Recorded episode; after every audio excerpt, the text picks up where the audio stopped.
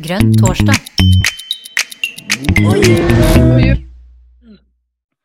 Velkommen til Grønn torsdag juleavslutning. Og dette er en veldig eksklusiv gjeng som har dukka opp, så får vi se om det kommer flere eksklusive folk. Og så eh, har eh, redaksjonen da invitert både Arild og leder Arild, det må vi passe på å si her. Og så nestleder eh, Ingrid og partisekretær Torkil, og så er det jo flere fra redaksjonen her. Og så har det dukka opp noen andre også som mener at det viktigste nå før jul er å være med på Grønn torsdag juleavslutning. Det er jo vi veldig fornøyd med, Karina. Ja, det er vi definitivt. For uh, vi merker jo at, at kravet om julero begynner å, å, å, komme. Og kanskje begynner den å senke seg også, eller hvordan er det med, med der du er, Jon? Begynner julefreden å senke seg? Ja, eh, jeg er litt usikker på hvor mange år, men vi har drevet og leid hytte diverse steder. Airbnb på, på julaften og noen dager før og etter. Eh, og det har vært veldig deilig. Her, nå er vi på Nordseter ved Lillehammer, og det er jo så stille her. Og så slipper vi å rydde så mye til jul, ikke minst. ja, det er, det, er, det er, et godt poeng, eh, det altså. Ja, vi kommer til et ferdigrydda sted.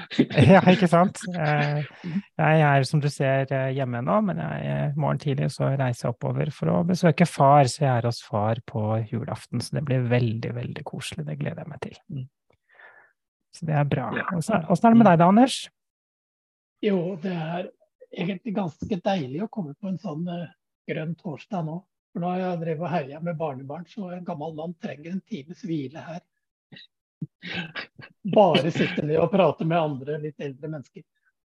Ja, vi, vi hopper over det siste du sa der, men Jeg sa ikke at det gjaldt alle, sa jeg det? Nei, jo. Jeg tenkte på Jon, jeg, da. Ja. Så bra. Vi har fått med oss eh, noen gjester her, da. Vi har jo i hvert fall med oss eh, leder og nestleder og partisekretær i, i Miljøpartiet De Grønne. Um, så det er veldig, veldig hyggelig. Velkommen til Ingrid, Arild og Torkil, som eh, vi kan se. Og for så vidt også veldig hyggelig med alle dere andre som er her. Det er kjempefint å kunne dele denne kvelden med dere mens juleroen begynner å presse seg på, som jeg liker å si. Ehm, hvilke planer er det partileder har for jula da, Arild? Uh, nei, Han gleder seg kanskje mest til å gå på ski. Uh, jeg skal til fjells. Og så skal jeg feire med mine svigerforeldre, og da blir det, det blir da svineribbe. I motsetning til det som jeg liker best. Men det, vi har klart å få første juledag til å handle om uh, pinnekjøtt i år, da. Så det er jeg veldig fornøyd med. Men eh, det betyr jo at vi har egentlig ikke gjort så fryktelig mye i dette huset før jul, så vi kommer til ferdig eh, Det kommer til å være ganske ferdig pyntet der oppe i Gaustad. Så det er for så vidt ganske fint. Da slipper vi å ja, Vi har støvsuget, da. Kan, såpass kan jeg vel si. Men vi har ellers et, hus som står litt på hodet, siden vi har hatt uh, Live sin svogerboende her, eller de bor her fortsatt. er Ett barn og to voksne, i tillegg til oss sjøl. Så det er mye mm. Det har vært en litt spesiell førjulstid. Mm. Mm. Men nå er det jul, og det gleder jeg meg voldsomt til. Ja, og eh, før vi går over til noen andre, du, opp til Gausdal, du passerer jo Lillehammer på veien. og der, Hva skal du gjøre der?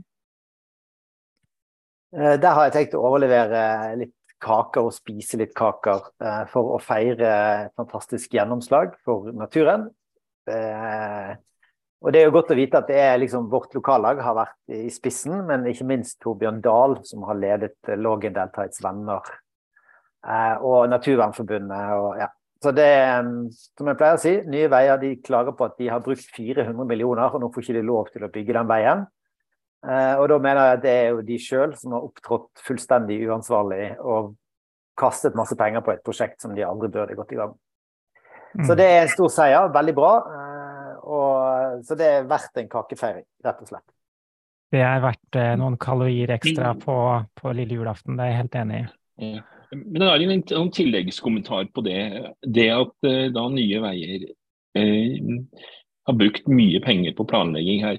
Det er vel litt altså, vi, vi, er jo da kanskje litt uenige med målet deres, men de har faktisk planlagt og gått ut ifra at de ville få tillatelse. Og det er jo Det må da være helt feil rekkefølge? Altså, er det jeg som misforstår ja. noe her? Nei, altså dette er jo Nye Veiers uh, fantastiske måte å jobbe på. og Det kan han med det nordlyset i bakgrunnen sikkert også bekrefte. Men de har gjort det samme i Stjørdal, uh, eller Stjørdal som det heter på bergensk. Uh, og der har de altså gått ut ifra at de får lov til å fylle ut i Stjørdalselva. en hel haug med masser, og det har de fått nei til. og nå har de liksom et prosjekt som de ikke helt vet hva de skal gjøre med.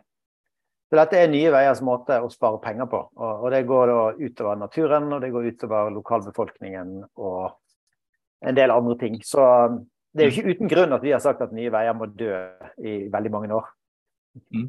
Men det, vel, altså det, går jo også utover demokratiet, hvordan ting eh, fungerer sammen. At de altså man har gjort et, altså vi, vi, kan jo godt være uenige om man skal få lov til å bygge der og der, men hvis de forutsetter at det eksisterende vedtak blir omgjort i sine prosesser uten å ta det opp, så er jo det dårlig for demokratiet.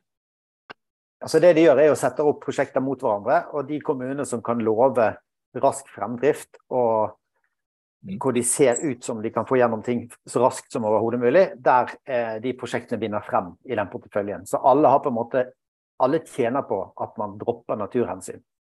Og så får du i mm. tillegg statsforvalteren til, som har fått beskjed om å være stille i sånne saker, som da gir de støtte. sånn at uh, her ble jo det anket. og Hvis ikke Naturvernforbundet hadde anket dette til um, og Lågendal Deltaets venner, hvis ikke de hadde anket det til Miljødirektoratet, så ville jo den saken Da ville jo Nye Veier fått lov til å gjøre det de ønsket.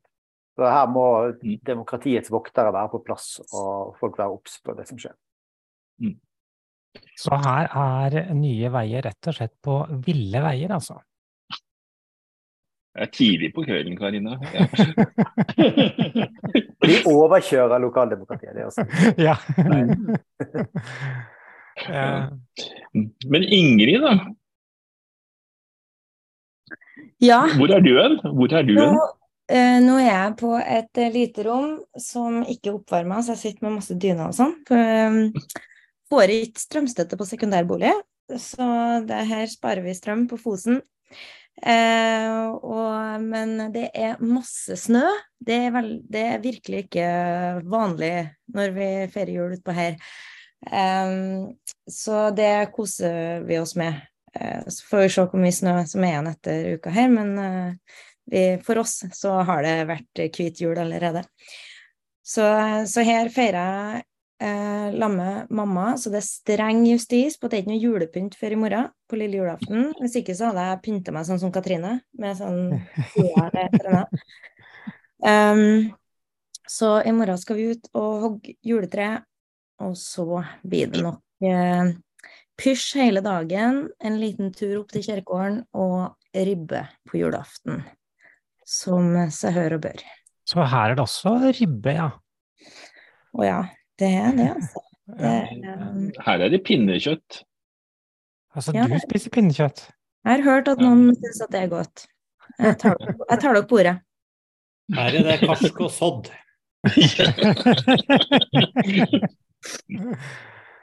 Ja, nei, det skal være juleribbe på julaften, altså. Det, det, det støtter deg, Ingrid. Og så er det jo godt med, med noe pinnekjøtt òg, men det får være på lille julaften eller andre juledag eller noe sånt, altså. Er, jeg, jeg, jeg, kommer til å bli servert pinnekjøtt når jeg kommer frem hos far i morgen, jeg, da. Så, Ikke sant. Så, og så, karsken, Tommy, bruker vi å ta på andagen uti her.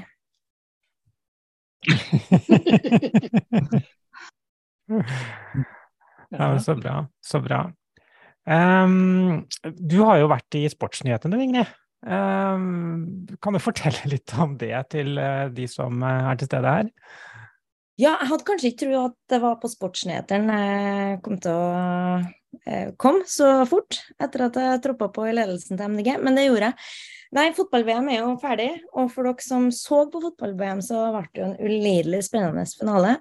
Eh, men nå er jo bekymringa for at eh, når finalen er over og Argentina vant, at vi skal glemme at det var jo litt støy eh, hvis jeg kan si det sånn, omkring situasjonen i vertslandet før fotball-VM, faktisk i tolv år før VM starta, og under VM. Og vi har jo sagt at vi sendte VM på NRK TV 2 fordi vi skulle ha et kritisk blikk på situasjonen der nede. Så da må vi jo tro at vi har lyst til å følge opp i etterkant. Ehm, så nå har MDG på Stortinget spurt Anniken Huitfeldt om hun vil legge press på Qatar, sånn at de og Fifa lager et fond som kompenserer alle dem som har blitt ufør, fått varige helseplager eller mista sine eh, under ulidelige arbeidsforhold, mens de har bygd stadion og T-banestasjoner og hoteller osv. for at vi skal ha det her mesterskapet. Så det, det var en um, trist grunn til å ha den på sportsnyhetene, men, uh, men, det er veldig viktig. Det kommer nye mesterskap, og det vi gjør nå, setter presedens. Så det er da Amnesty som har fronta kravet, og som vi selvfølgelig er enig med. Så er, vi snakker om menneskerettigheter og demokrati eh, fremfor, eh, fremfor, idrett, egentlig, når du kommer på sportsnyhetene. Vi vil, jo, vi vil jo at idretten skal bestå, eh, men vi syns jo at, de eh, må, at heller ikke engang fotball eh, kan gå foran menneskerettigheter. Så hvis fotballen kan spille på lag med menneskerettighetene, så håper jeg det blir mye bra fotball framover. Men hvis du skulle vært inne som en ekspertkommentator, hva, hvilken idrett eh, hadde du ønsket at det var da? Hvilken idrett skulle jeg ønske at det var da? Er ikke karaokeidrett? Nei, jeg tror det, den må du lenger ut på landet med. Ja, men Har ikke du vært i verdensmesterskap? Jo, men jeg tror kanskje ikke Norges idrettsforbund eh, er enig i at det er en idrett. Nei, jeg tror, jeg tror kanskje jeg ville ha valgt uh, valgt fotball bare fordi at uh, det er noe flest som skjer på, på sånt. Så, da kan alle høre de gode vitsene mine. ja, dette, dette, her ser jeg frem til, Ingrid. Den dagen du ble ekspertkommentator på sportssendingen på TV 2 og, og kommenterer fotball. Eh, så, så, vi får satse på at noen plukker opp dette, så du får det tilbudet. Eh, det hadde vært veldig, veldig stas. Så, nei, men så bra. Nå har Lan kommet inn. Velkommen, Lan. Hei, hei. Hei. Beklager, det ble en spontan familiefeiring her. Så da, uh, da, fikk jeg midlertidig på en måte uh, jernteppe på hva jeg skulle gjøre i dag. Men jeg ble jo heldigvis påminnet det, da. Både Ingrid og Torkil som lurte på hvor jeg ble. Ja, ja, Men uansett, det var jo en kanskje riktig prioritering. Dette er jo en tid hvor vi skal prioritere familie, er det ikke det, Lan? Jo, det mm. er jo det. Eh, så det var jo veldig hyggelig. Eh, og da fikk jeg jo tross alt med meg 15 minutter mer da, av den feiringen. ja, det var så bra.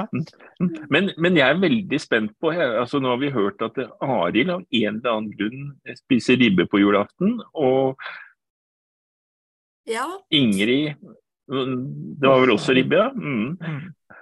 Og så eh, da er vi veldig spent på hva du spiser med den eh, når du har, du har jo liksom litt andre aner enn oh, ja. Er det ja, nå skal du si at um, For det første så er den store politiske debatten i dag er hvorvidt man spiser svoren på ribben eller ikke. uh, har jeg lest. Um, uh, men, uh, men, jeg har vokst opp med ribbe. Um, men fordi jeg føler at uh, nå som vi feirer veldig Eller vi, vi, vi bor jo med min familie, uh, og vi feirer her i vårt felles hjem, uh, så føler jeg at da bør også Eivind få litt av den julefeiringen, da. Så da blir det pinnekjøtt, og det er jo også veldig godt. Og det er dessuten mye mer inkluderende. For vi har jo også feira med en muslimsk familie fra Afghanistan. De, eller i hvert fall eh, altså med, med, de og deler av de da, det siste åra. Og der spiser de faktisk noe som er ganske likt pinnekjøtt, med ganske ja, mye av det samme tilbør. Mm. Så, ja. Så det er ganske kult. Ja. Mm.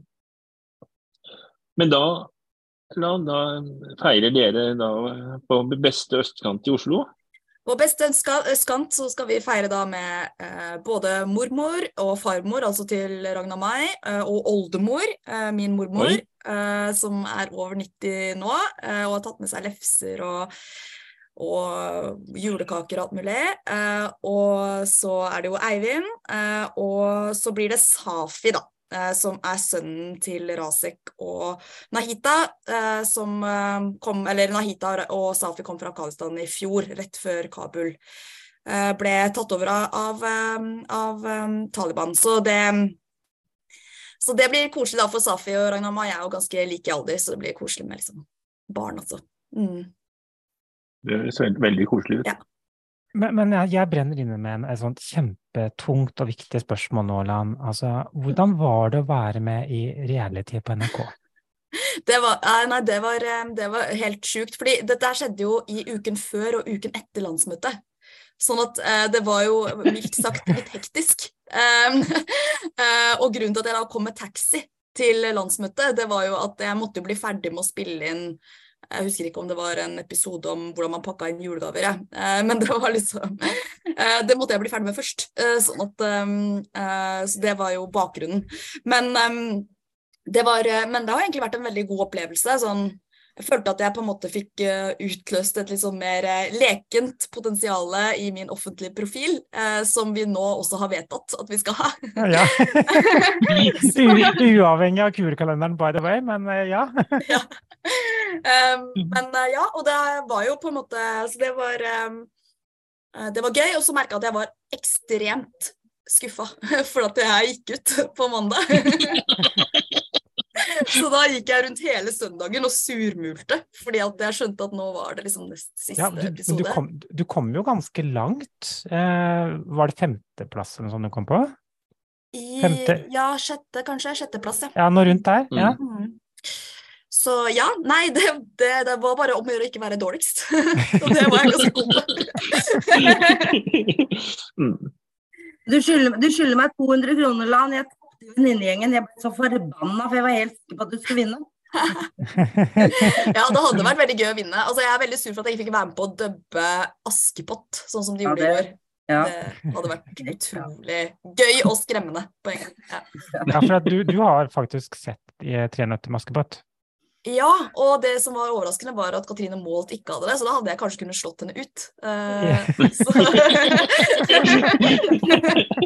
Men ellers så tror jeg ikke jeg hadde klart det, for hun er jo ekstremt uh, talentfull, da. Så, ja. Jeg aner et visst konkurranseinstinkt her, eh, Lan. Ja, det er bitte, mitt... bitte lite. Ja, jeg har et veldig usjarmerende konkurranseinstinkt, faktisk. det er, men Eh, men, det, men, så tror jeg alltid at jeg kommer til å tape også. Så derfor så liksom Jeg glemte jo at man bare skulle være dårligst. Jeg, jeg, følte liksom at de andre kom til å være veldig mye bedre enn meg i alt. Så jeg måtte på en måte bare Når jeg følte at jeg ikke hadde talent, måtte jeg bare kjøre på med innsats. Eh, det var strategien. ja. Ja, men du kommer ganske langt, eh, og tusen takk for at eh, du har i hvert fall gledet eh, mange av oss med din tilstedeværelse der. Det, det tror jeg det er mange som har satt pris på og syns har vært gøy, og enda gøyere at du syns det har vært gøy, ikke minst. Ja. Og nå skjønner jeg hvorfor du kom med drosje på landsmøtet, det har jeg tenkt lenge på. Hva var det hun drev med egentlig? Og nå, nå vet vi hva det egentlig var, altså. Og hvorfor hadde hun med seg en diger yogamatte? Ja. Bakgrunnen for det var at det var ikke så veldig digg å, å, på en måte finne noe sted å hvile på det stedet vi var. Eh, så jeg tok på meg sovepose og yogamatte og sov ute oppe på Frognerseter. Ja. Mm. Akkurat, akkurat. Ja ja. Nei, nei, men, men, men, men dette, dette, var interessant. Men så er det sånn, at du har jo tross alt eh, nå eh, sittet på Stortinget en liten stund. Eh, hva føler du har vært din største seier på Stortinget, eller MDG sin største seier på Stortinget i 2022? Ja, du, det er mange ting. Det aller første mener jeg nok at er at den største seieren var nok at vi flytta oljedebatten milevis lenger enn det den har blitt flytta nå på de siste mange årene. Um, mm. Bare i valgkampen og i etterspillet, da. Som vi tydelig har sett, at nå snakker man uh, om oljepolitikk og det å, å, slutte å lete etter mer olje uh, som Eh, noe som er på en måte innenfor det som er den politiske sirkelen som man kan diskutere da, på en, måte, på en helt annen måte enn det det var før. Eh, så, så det er vel på en måte, Det er jo en, en stor endring. Uh, og så er det ikke gitt at det holder seg der, så det må vi fortsatt jobbe for. Så mener jeg jo, Og så var jo det som var kanskje ekstra gøy for meg, min første på en måte ekte politiske seier var jo at vi fikk uh, gjennomslag for at migrenepasientene um, som går på uh, en type medisiner som er ganske dyre, de trenger ikke å ta en obligatorisk pause, for man hadde tenkt å innføre en slags obligatorisk pause fra medisiner for en hel pasientgruppe, som vi da mener strider med uh, det prinsippet om at man skal ha individuell vurdering. Da. Så det Eh, så det var jo kjempegøy. Eh, jeg fremmet det forslaget sammen med SV, eh, to representanter derfra. Og så ble hele Stortinget med, og det, det, var, det var, veldig gøy. Bortsett fra regjeringa, så de holdt jo veldig hardt på sitt. Um, så det var kjempegøy. Um, og så fikk jo Arild og jeg gjennomslag for uh, Hammersborgtunnelen i, uh, i, vår, egentlig, men så snudde jo uh, regjeringa. Men vi fikk på en måte gjennomslag for at man skulle utrede og ikke, bygge, ikke på en måte eh, bygge en ny tunnel som ville kostet veldig mye penger. Men så har de på en måte gått tilbake på det da, under regjeringskvartalet. Og så Men det siste vil jeg nok si at der hvor jeg har flyttet debatten mye, har nok vært på solidaritetsfondtankegangen. Det at vi har veldig store ekstraordinære inntekter i Norge pga. Putins krig mot Ukraina og energikrig mot Europa. Uh, og vi er et av de få landene som tjener på det. Og vi har ment at man skal sette alle disse pengene inn på et eget fond og gi dem til ulike formål. Selvfølgelig gjenoppbygging av Ukraina, som kommer til å koste veldig mye penger. Uh, men også fornybar energi i Europa. Fordi det er en del av løsningen på det vi trenger for å frigjøre Europas eh, energisystemer fra Putins gass. Eh, men også eh, penger til de fattige landene som nå rammes veldig hardt av de høye mat- og energiprisene. Så det har, vært, det har, vi holdt på med siden i mars i, i vår, da det var Rasmus da, som kom egentlig med den på en måte visjonen om at dette burde skje, og vi fremmet det forslaget.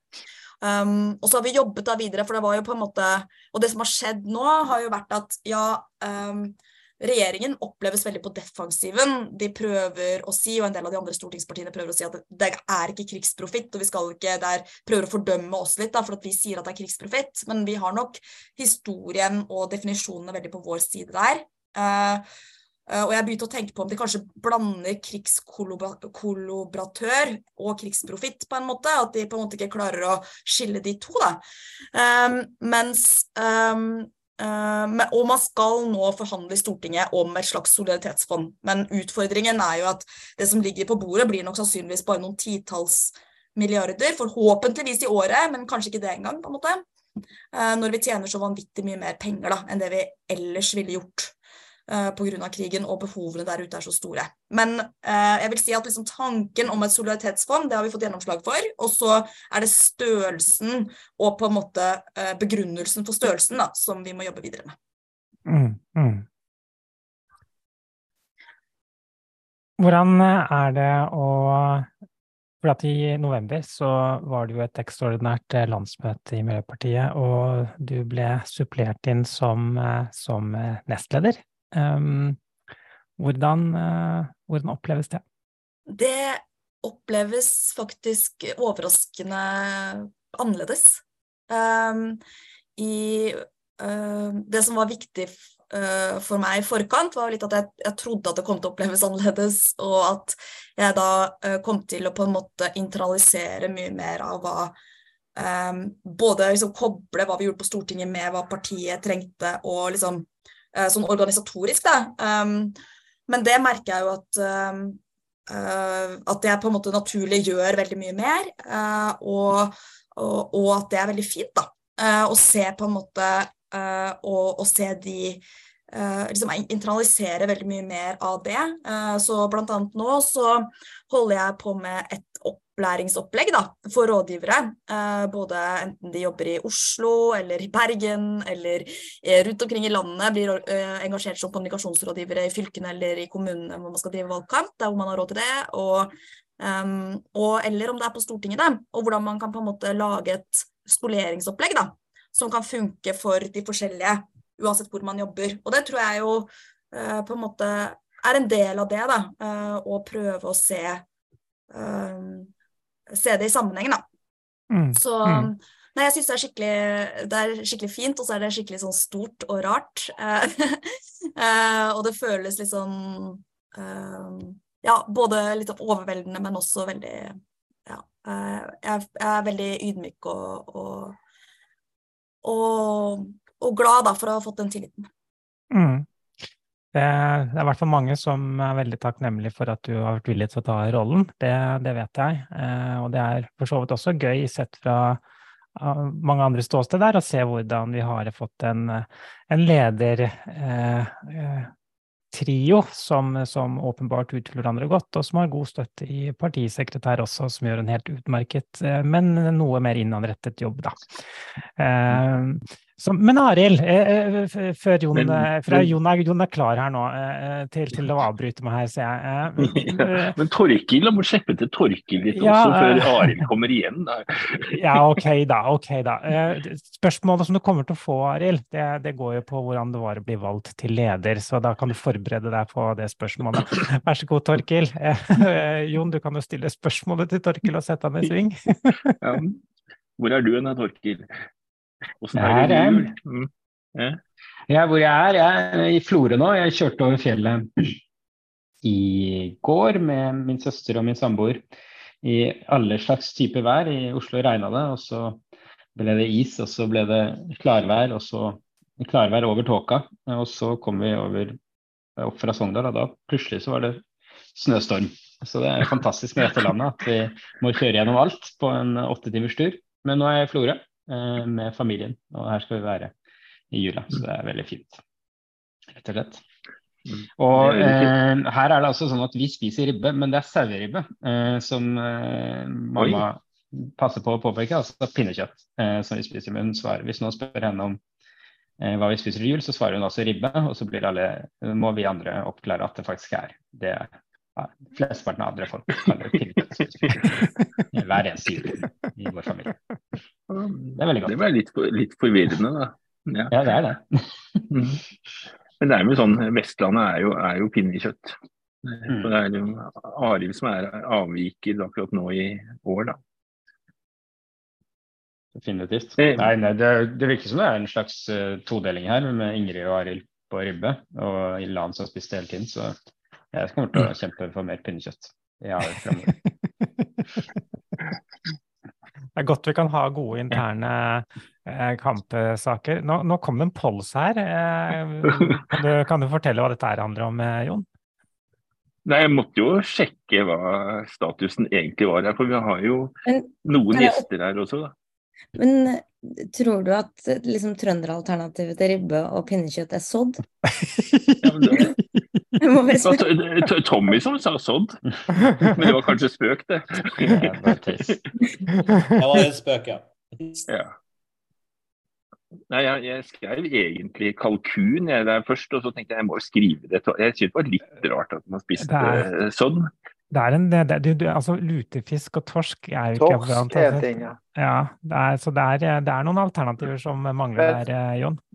Ja, det helst, skal det stå helst mellom her, eller skal man ta det, det man spiser i år?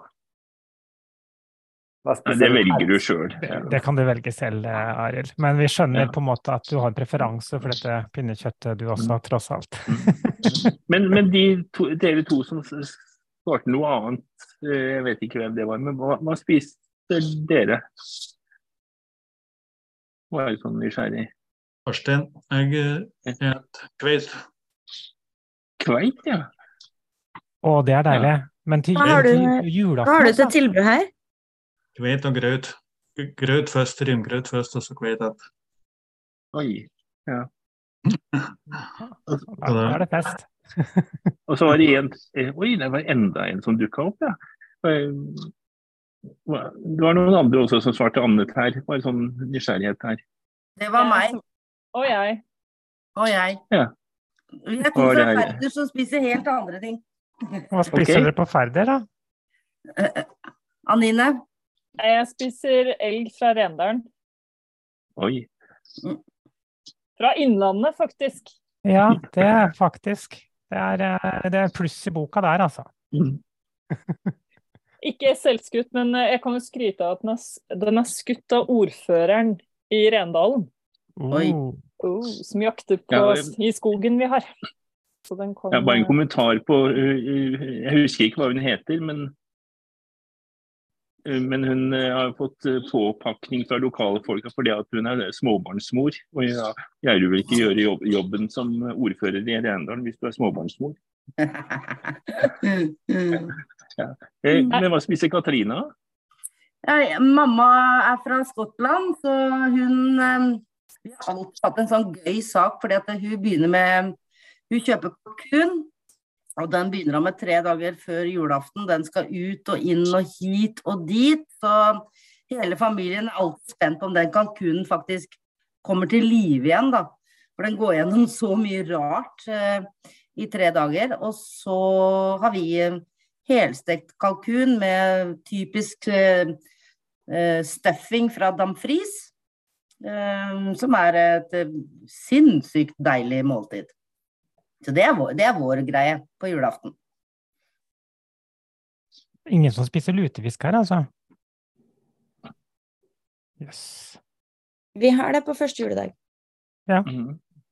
Jeg elsker Men- ja. lutefisk, men, eh, men ikke på julaften, nei.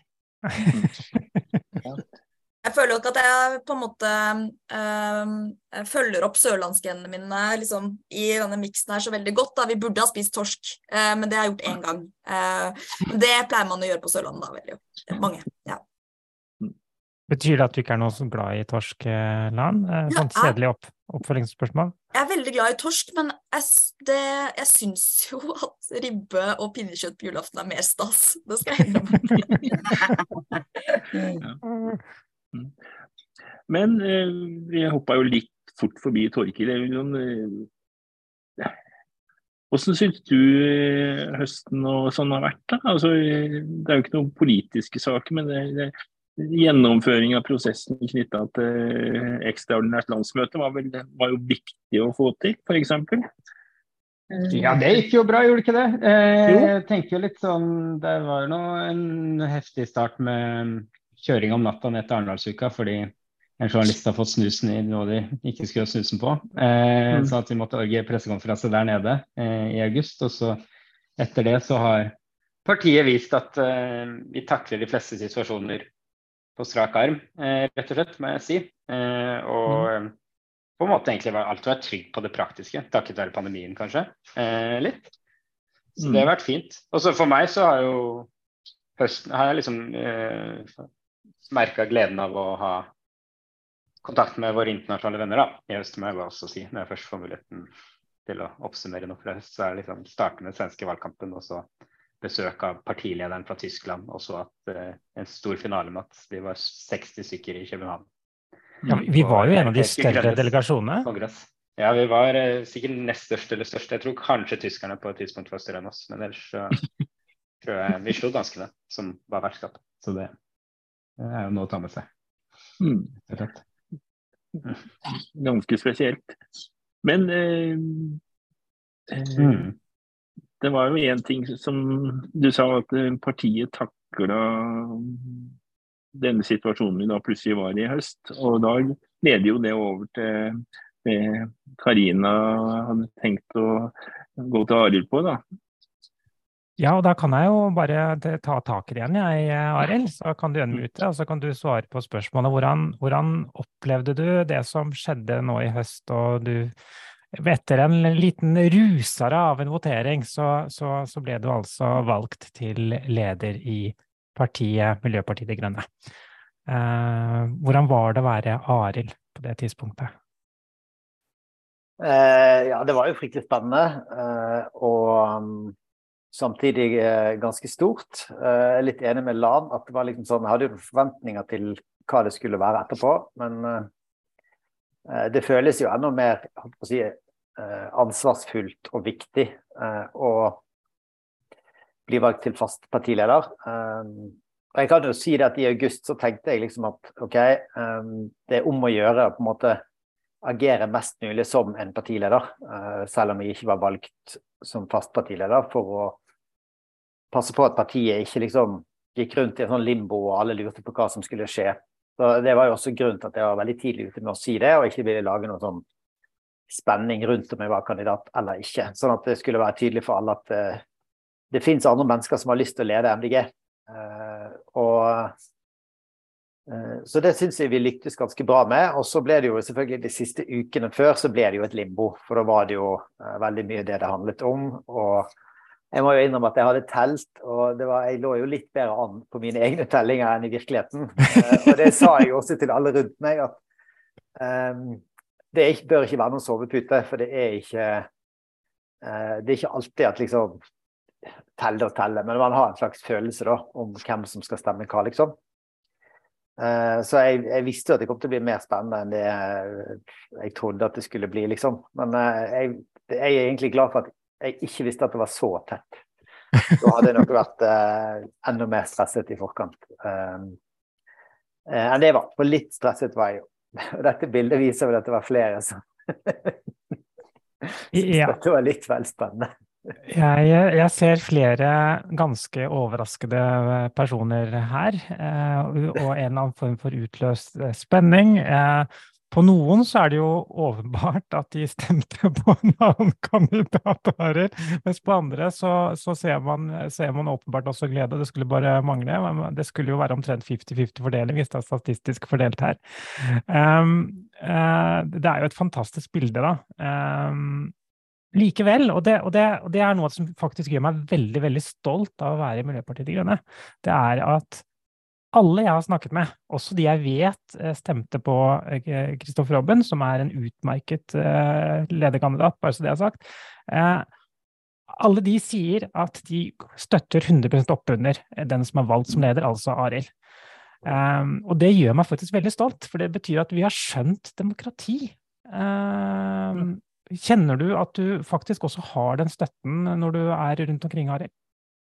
Ja, definitivt. Uh, og det har vært veldig fint. Og det var jo for så vidt fint i hele valgkampen også, at de jeg snakket med, de var jo ikke Det var to gode kandidater. Uh, jeg tror Torkil har ment, eller noen har ment, at vi kanskje burde diskutert mer politikk og mer sånn ulikheter politisk. Uh, men ulempen, hvis vi hadde vært veldig uenige politisk, ville jo òg vært at i etterkant så ville mange følt at MDG ikke lenger var deres politiske hjem. Så jeg tror liksom at det å favne alle sammen, det blir en viktig oppgave uh, for meg fremover. Uh, og jeg merker jo at det å ha Kristoffer Robin sin støtte er jo også viktig. Sant? Og at han har vært på Stortinget de siste ukene og vært til stede, det er veldig bra og trygt. Og um, så jeg syns jo han gjorde en god figur både i valgkampen, men også ikke minst etterpå, med å samle partiet. Så jeg føler veldig sterkt at vi det har aldri vært noen sånn der eh, liksom Nå er vi to helt forskjellige deler av et parti. og Det var noen kommentatorer som prøvde å skrive det de første dagene, og det må man jo regne med. Men jeg føler ikke Jeg, jeg, følte ikke at de traff så veldig godt den situasjonen som er i De Grønne akkurat nå. Så jeg føler at de har kjempemuligheter til å bygge partiet i hele landet. Eh, frem til valget i 2023 og videre til 2025. Og det er klart, med den permanente ledelsen vi har nå, så er ganske sikker på at uh, vi skal være det gøyeste og selvfølgelig beste partiet uh, fremover også. Mm, mm. Jeg og Kristoffer Robben sjøl har jo vært veldig tydelig på at uh, nå er det Arild som er hans leder, og det er han veldig lojal overfor. Og støtter aktivt opp under de prosessene som skjer i partiet på en positiv og konstruktiv måte.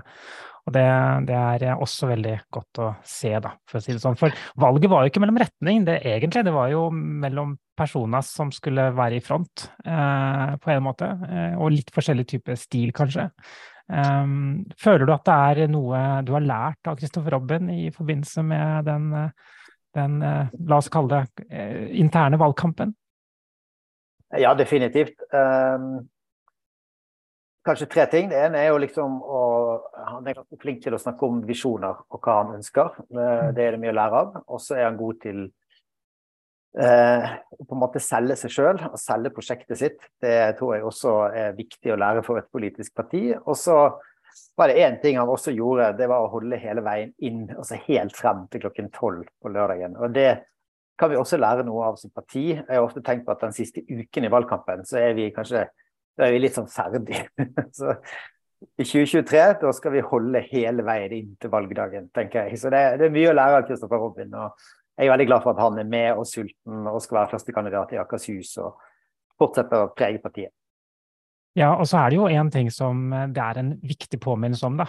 Og det er at én eh, stemme kan være nok. Bokstavelig talt. Yes. Ja, det er jo ordførere også som blir valgt på én stemme. Så det, ja, det er det. Mm. det, er det. Og det er det veldig er det jo spesielt. Og så er det jo en ting som er interessant i politikken. Det blir jo ofte mye jevnere enn det man tror. For at det ser du også i valg, at det er en sånn slags gravitasjonskraft som gjør at liksom, marginer blir mindre og mindre jo nærmere valgdagen du kommer. Så det er også ganske viktig å huske, med den ene stemmen som kan være utgjøre, utgjøre forskjell. Ja, da har jeg én visjon eh, for MDG. Det er at vi skal finne et annet balansepunkt enn sperregrensa eh, til neste valg. det er helt greit. Men eh, tida går så fort, Karina. Vi må, eh, vi må finne ut hva som er de store utfordringene for eh, 2023 her, de store sakene. Ja, skal vi starte med, med Ingrid? Skal vi gjøre det? Oi, ble du kasta jeg, ut i jeg det? svarer på det, jeg svarer på det, Karina. Ja, jeg syns du skal starte med meg. Det, det blir veldig bra. Um, nei, vi skal jo gjøre ganske mye i 2023. Um, jeg har lyst til å um, trekke frem tre viktige ting. Uh, og altså for det første så skal vi vinne valg. Lokalvalg. Og vi skal gjøre det beste valget noensinne uh, som MDG. Vi skal stille lister der vi aldri har stilt lister før, og vi skal stille lister der vi stilte lister for fire år siden. Uh, vi skal ha ordentlige fjellførerlag rundt omkring i landet som eh, går foran og virkelig tar ordførerposter og går inn i posisjon og får store, svære gjennomslag i sin kommune. Og for å øve oss på den valgkampen, så skal vi rundt og reise nå rett over jul. Vi skal rundt og vise fram grønne godteposer eh, for, eh, for folk i hele Norge. Det er jo det beste med lokalvalgkamp, er jo at det er jo der vi er definitivt best på å finne de konkrete tiltakene som viser folk at den grønne politikken rett og slett er eh, helt fantastisk for, eh, for folk og miljø og eh, dyr og alle du kan tenke deg finnes. Eh, og de grønne godteposene kommer vi til å reise rundt med, enten det er billig kollektiv, eh, landskort til 500 kroner, eller det er varmepumpe til folket, som Stavanger og Moss har fått gjennomslag for. Det skal vi prate om. Og det kan hende at vi nå er på riktig tidspunkt å gjøre det her, for fram til nå så kan det hende at MDG har vært litt sånn Vi må være veldig seriøse og ansvarlige for å bli tatt på alvor. Og derfor så har vi tona ned litt sånn drømmer og fine lovnader og sånn. Men nå tror jeg at vi har så mange folk med erfaring fra kommunestyrene som har fått gjennomslag og sett hva man kan få til med hardt arbeid. Så nå tror jeg at vi kan gjøre det med full sjøltillit og tør å drømme og snakke om de fine tingene. Og så I tillegg så har jeg bare lyst til å nevne at selv om vi skal vinne lokalvalget, så legger vi jo nå til neste år grunnlaget for det neste nasjonale valget og det nasjonale samfunnsprosjektet. Så vi skal jo komme langt over sperregrensa i 2025 og sette et ordentlig stempel på dem som skal sette i gang da. Og derfor så er lokalvalgkamp gull, fordi vi kan finne og snakke med alle de næringslivslederne som nå ser det regjeringa ikke ser, at vi er nødt til å omstille oss til å klare å lage verdier uten å bruke opp ressursgrunnlaget, til å reparere mer, vedlikeholde mer, eh, gå fra svære totalentrepriser motorveier til små vedlikeholdsprosjekt som lokale entreprenører kan konkurrere på. Og det, folkens, er grunnlaget vi legger for at folk i 2025 tenker kanskje vi kan ha velferd uten olje? For det går an. Det vet vi at går an, og det er veldig mange flere enn de som stemte på oss i 2021 som vet at det går an. Og dem, dem tror jeg vi møter til neste år. Kjente jeg sånn snev av optimisme her. Hva var det som eh, skjedde, Jon? Vet du det? Nei, jeg trodde du var plaga med optimisme sånn generelt. Ja, men, men, men jeg bare hørte det Ingrid sa om arbeidsplasser og vedlikehold av veier og sånn. Jeg registrerte det at uh, noe av sutringa da i etterkant av Miljødirektoratets uh, nei til bru i, uh, i Lågendelta var arbeidsplasser. Og jeg tror jo at de arbeidsplassene ikke vil være en eneste lokal arbeidsplass. Nei, Det har og- ikke jeg helt oversikt over, men uh, mm. Nei, og det er klart at det er jo her, og derfor jeg, jeg skal ikke snakke så mye om ideologi nå, men det blir jo også en del av det som jeg spesielt kommer til å jobbe med. Og det handler om helheten i samfunnet, for vi er ikke et CO2-kuttsprosjekt, vi er et samfunnsprosjekt. Et grønt samfunnsprosjekt. Grunnen til at vi har en klimakrise, er fordi at vi har en samfunnsutvikling som ikke har naturen og de mest sårbare rundt bordene der beslutningene tas. Så naturen og de mest sårbare, og dem med kanskje de mest sårbare jobbene som konjunkturyrkene har, de sitter ikke rundt bordet når Nye Veier bestemmer hva de skal bruke prosjektmidler på. Eh, og der er det jo en helhet, fordi samfunnet bobler jo over av oppgaver som ikke blir løst. Vi har et vedlikeholdsetterslep på infrastruktur på tre, mer enn 3000 milliarder. Vi har eh, plast som flommer oppover strendene våre. Vi har eldre som skal tas vare på. Vi har barn og unge som ikke kjenner på vestring. mestring. Ikke kom og fortell meg at vi må bygge ned natur for å finne oppgaver til folk i det landet her. Det stemmer rett og slett ikke. Men det er klart, vi har hatt en samfunnsutvikling der naturen aldri har hatt en stemme, og folk har fått lov til å gjøre hva de vil på tvers av det. Men det har bl.a. Eh, Lågendeltats eh, venner og grønne politikere et lite steg videre endra på. Ja, Uh, og jeg tror ikke det var uh, Arild og min sin trussel om å lenke oss som gjorde utslaget for Miljødirektoratet her, uh, men ja, jo, kanskje det var det, Arild. Kanskje vi skal bare ta den? Um, nei, men Veldig bra. Dette er veldig spennende å, å, høre om. Uh, og jeg vet at du jobber jo hardt med å danne prinsipprogramprosessen også. Uh, har du no, uh, no, no, noen viktige høydepunkter på det i 2023 som du vil snakke om, eller, eller, lage en sånn liten, liten Hva skal jeg si Heie frem, så folk er med? Du er til meg? Eh, det var egentlig til Ingrid, men ja. Beklager. Kan du gjenta spørsmålet? Jeg trodde det gikk videre. ja, busted. Eh, Prinsipprogramprosessen, eh, har du noen høydepunkter på det i 2023 som du vil dele med oss? Ja, hva skal være høydepunktet? Jeg tror det viktigste for meg er at vi, um, er at vi alle altså Husk, vi fikk 3000 nye medlemmer i 2021 som er mobilisert av klimakrisa. Eh, det aller viktigste for meg er at alle dem som meldte seg inn i 2021, og som har meldt seg inn før det, eh, blir kjent med helheten i det samfunnsprosjektet vi står for. Eh, og ser at vi ikke bare er opptatt av klimakrisa, men leverer en helhetlig politikk som gjør at vi ikke lager framtidige klimakriser eller naturkriser eller andre kriser. og så skal vi selvfølgelig vedta et prinsipprogram på landsmøtet. Eh, det er ti sider, som er vel, en liten destillering av ideologien vår. Mm. Men det jeg håper Vi har hatt en julekalender nå i desember som mange har skrevet inn på. Og den hele julekalenderen blir liggende med litt sånn ideologiske julenøtter. Åpne spørsmål. Hele den blir liggende på nettsida vår over jul, og det går an hvis man har tid til å tenke og skrive og se på dem og eh, sende noen svar.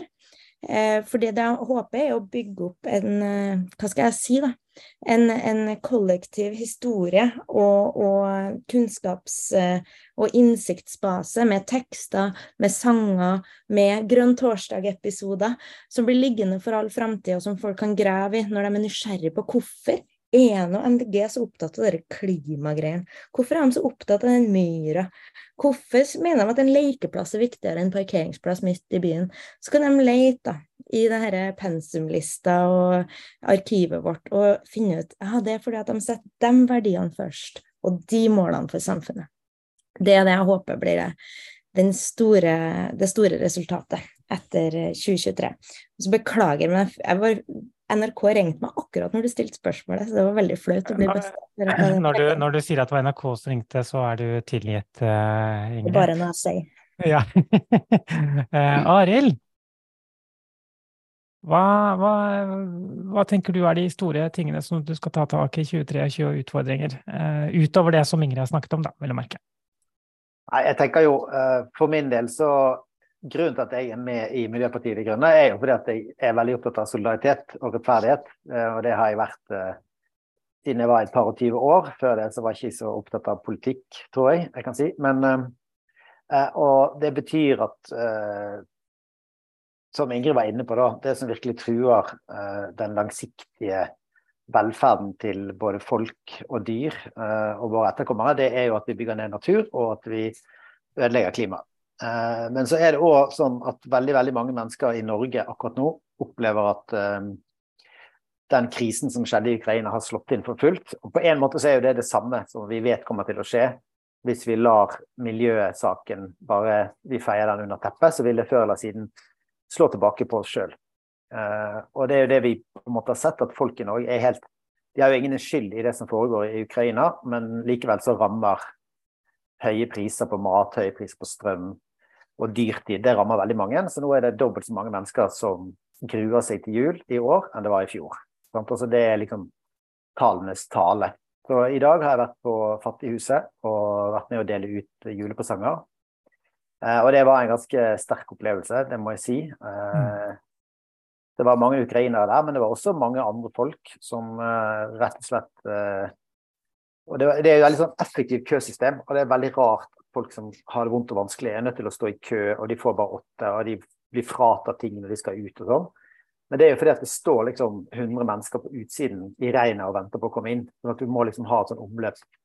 Og Fattighuset gjør en kjempejobb, og veldig mange av de frivillige organisasjonene gjør en kjempejobb med dette. Og det tenker jeg at er det er en sak som kommer til å, å bli viktig også fremover. At vi viser eh, Og at vi fortsetter å kjempe for de som har det aller vanskeligst i Norge.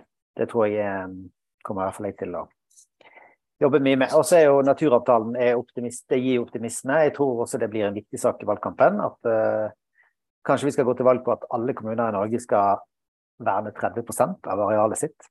Uh, til sjøs og til lands. Uh, og så kan vi ha sånn konkurranse med lokalbefolkningen om hvilke områder de har lyst til å verne, der de bor. Ja, det er mange muligheter dette gir, da. Mm. Så er det i hvert fall noen av de tingene som opptar meg akkurat nå.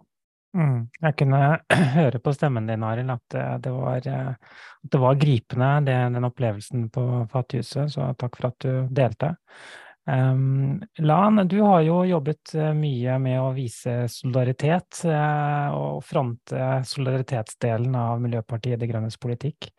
Uh, føler du at det kommer til å prege 2023 også, eller ser du for deg noen andre ting som uh, fort kan bli fokus? Nei, Jeg tror absolutt at det kommer til å prege 2023 også. Vi ser jo en verden i flammer, enten det er pga krig, eh, der hvor Ukraina er det eksempelet som er nærmest oss, men også eh, fattigdom, klimakrisen, ulike eh, av de globale krisene som slår veldig mye hardere inn på verdens fattigste enn det som det gjør for oss her i Norge, selv om det er mange i Norge som sliter nå også. Og det gjør jo at vi er nødt til å snakke om solidaritet både på ja, en, eh, at, at vår, vår, definisjon av solidaritet da blir mye sterkere og viktigere.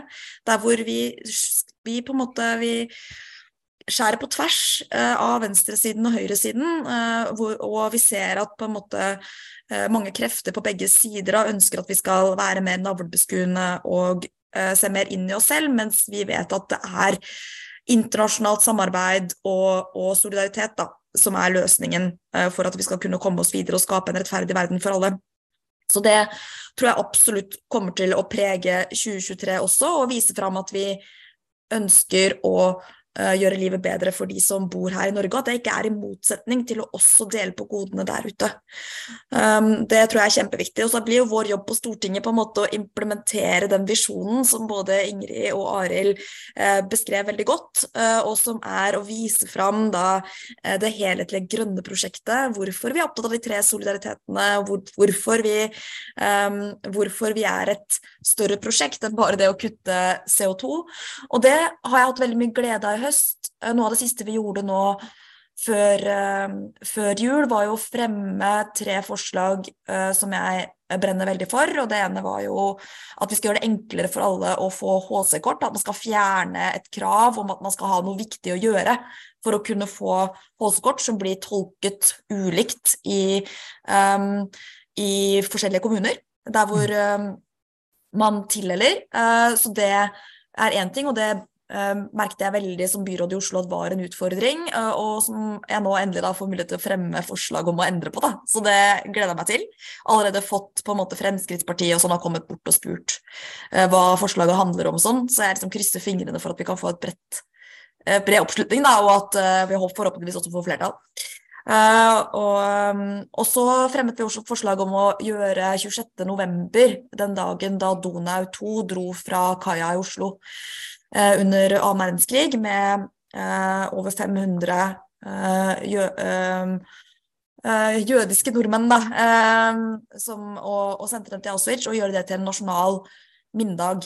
Eh, fordi vi også trenger å huske på at holocaust var et fenomen som skjedde i Norge, og ikke bare pga. noen andre.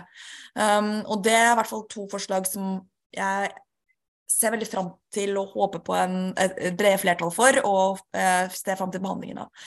Så det er noe med å fortsette på en måte den um, ja, den reisen vi er på nå, da, med å både bruke de eh, nye kreftene vi har eh, nasjonalt, tross alt, eh, til å vise fram et bredere prosjekt, men samtidig også vise fram hvor skapet skal stå, enten det er på internasjonal solidaritet eller på klima, miljø og natur. Eh, og det er det som er vår rolle, eh, å vise fram hvor skapet egentlig skal stå, mens de andre partiene på en måte ofte feiger ut eh, når det kommer til stykket.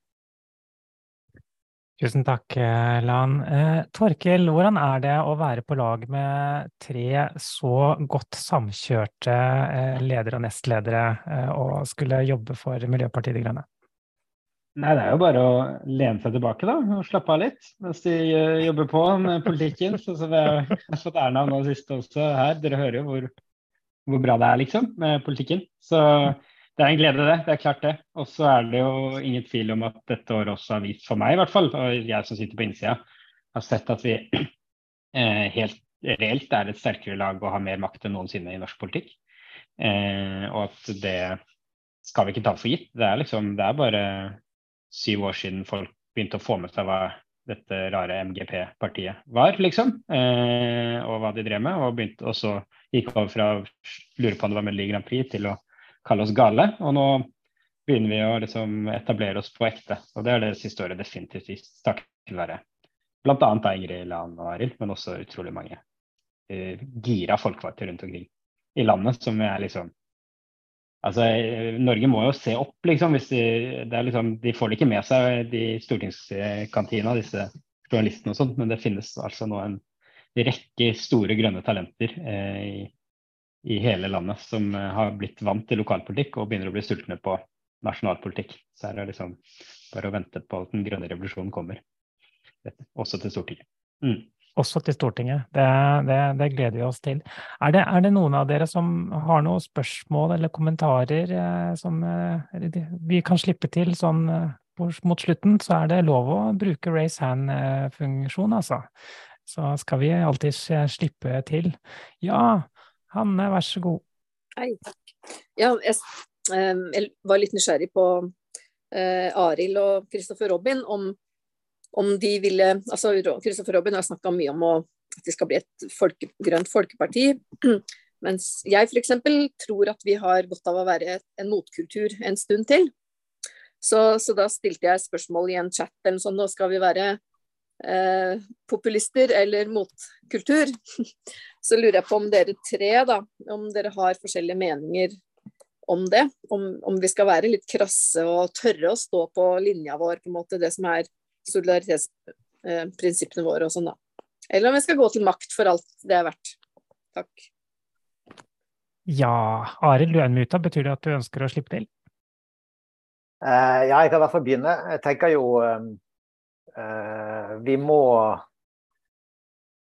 det er jo enkelt å si ja takk begge deler, men jeg tror liksom, eh, sånn som du setter det opp, så mener jeg at det, vi har selvfølgelig en rolle om å være tydelig på vegne av de folkene vi kjemper for. Eh, og da må man kunne være krass. Og det tenker jeg at det er sånn det som Å være krass uten at folk forstår hvorfor man er krass, det er jo liksom noe annet. Men jeg tror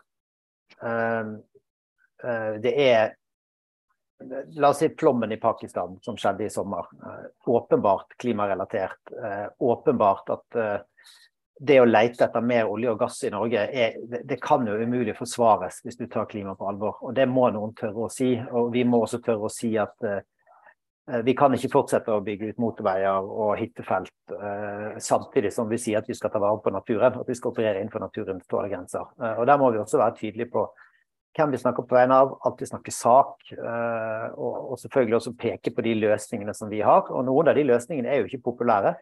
Men vi har òg veldig mange populære løsninger som vi kan gjøre mer av. Eh, kollektivkampanjen i Oslo 499 kroner Å gå til valg på at det er det vi ønsker oss i Oslo, det er jo veldig populært, ikke spesielt populistisk. Så jeg tenker jo det at vi Selvfølgelig ønsker vi makt, men ikke for enhver pris. Og vi vil ruste oss for regjeringsmakt, men det betyr jo ikke at vi hopper inn i svarte uh, syk, Hva heter det? Lastesykler. Eh, det blir jo det hvis vi skal i regjering noen gang. Men altså, vi er ikke opptatt av makt for maktens skyld. Eh, det vi ønsker er selvfølgelig å ha makt på de rette premissene. Så jeg tror, og det at Veien til å bli et grønt folkeparti det er jo selvfølgelig at da må vi vokse, men vi må jo vokse på bakgrunn av den radikale politikken. eller den, At vi ønsker en ny samfunnskurs. Eh, for jeg tror, jeg tror egentlig ingen vil ha et MDG som skal ligne på de andre partiene. Det er ikke det som er prosjektet vårt. og da tror jeg heller ikke, Vi kommer jo ikke i regjering med å liksom kopiere snill politikk som alle de andre partiene allerede har. Så det tror jeg er liksom, jeg, Men jeg tror at mange nordmenn kommer til å skjønne at det er det som er det breie samfunnsprosjektet. Eh, og Vi må bruke den tiden det tar å få folk med oss, men jeg er overbevist om at det kommer til å bli en kritisk mengde av nordmenn som, som er med der også. Så må vi selvfølgelig kommunisere smart, men jeg tror liksom at det handler også om substans, om den reelle politikken som vi, vi fører. Mm. Jeg så du hadde hånden oppe, Ingrid. Vil du si et par eh, ord? Eller er det slik at du tenker at nå er det på tide å la julefreden senke seg, og så kan vi avslutte med de fine ordene til Arild? I så fall så syns jeg det har vært veldig gøy hvis alle ennå har ønsket god jul eh, til alle der ute. Så skal vi gjøre det, folkens. God jul! God jul! God jul! God jul! God jul. Tusen takk for i år. Takk.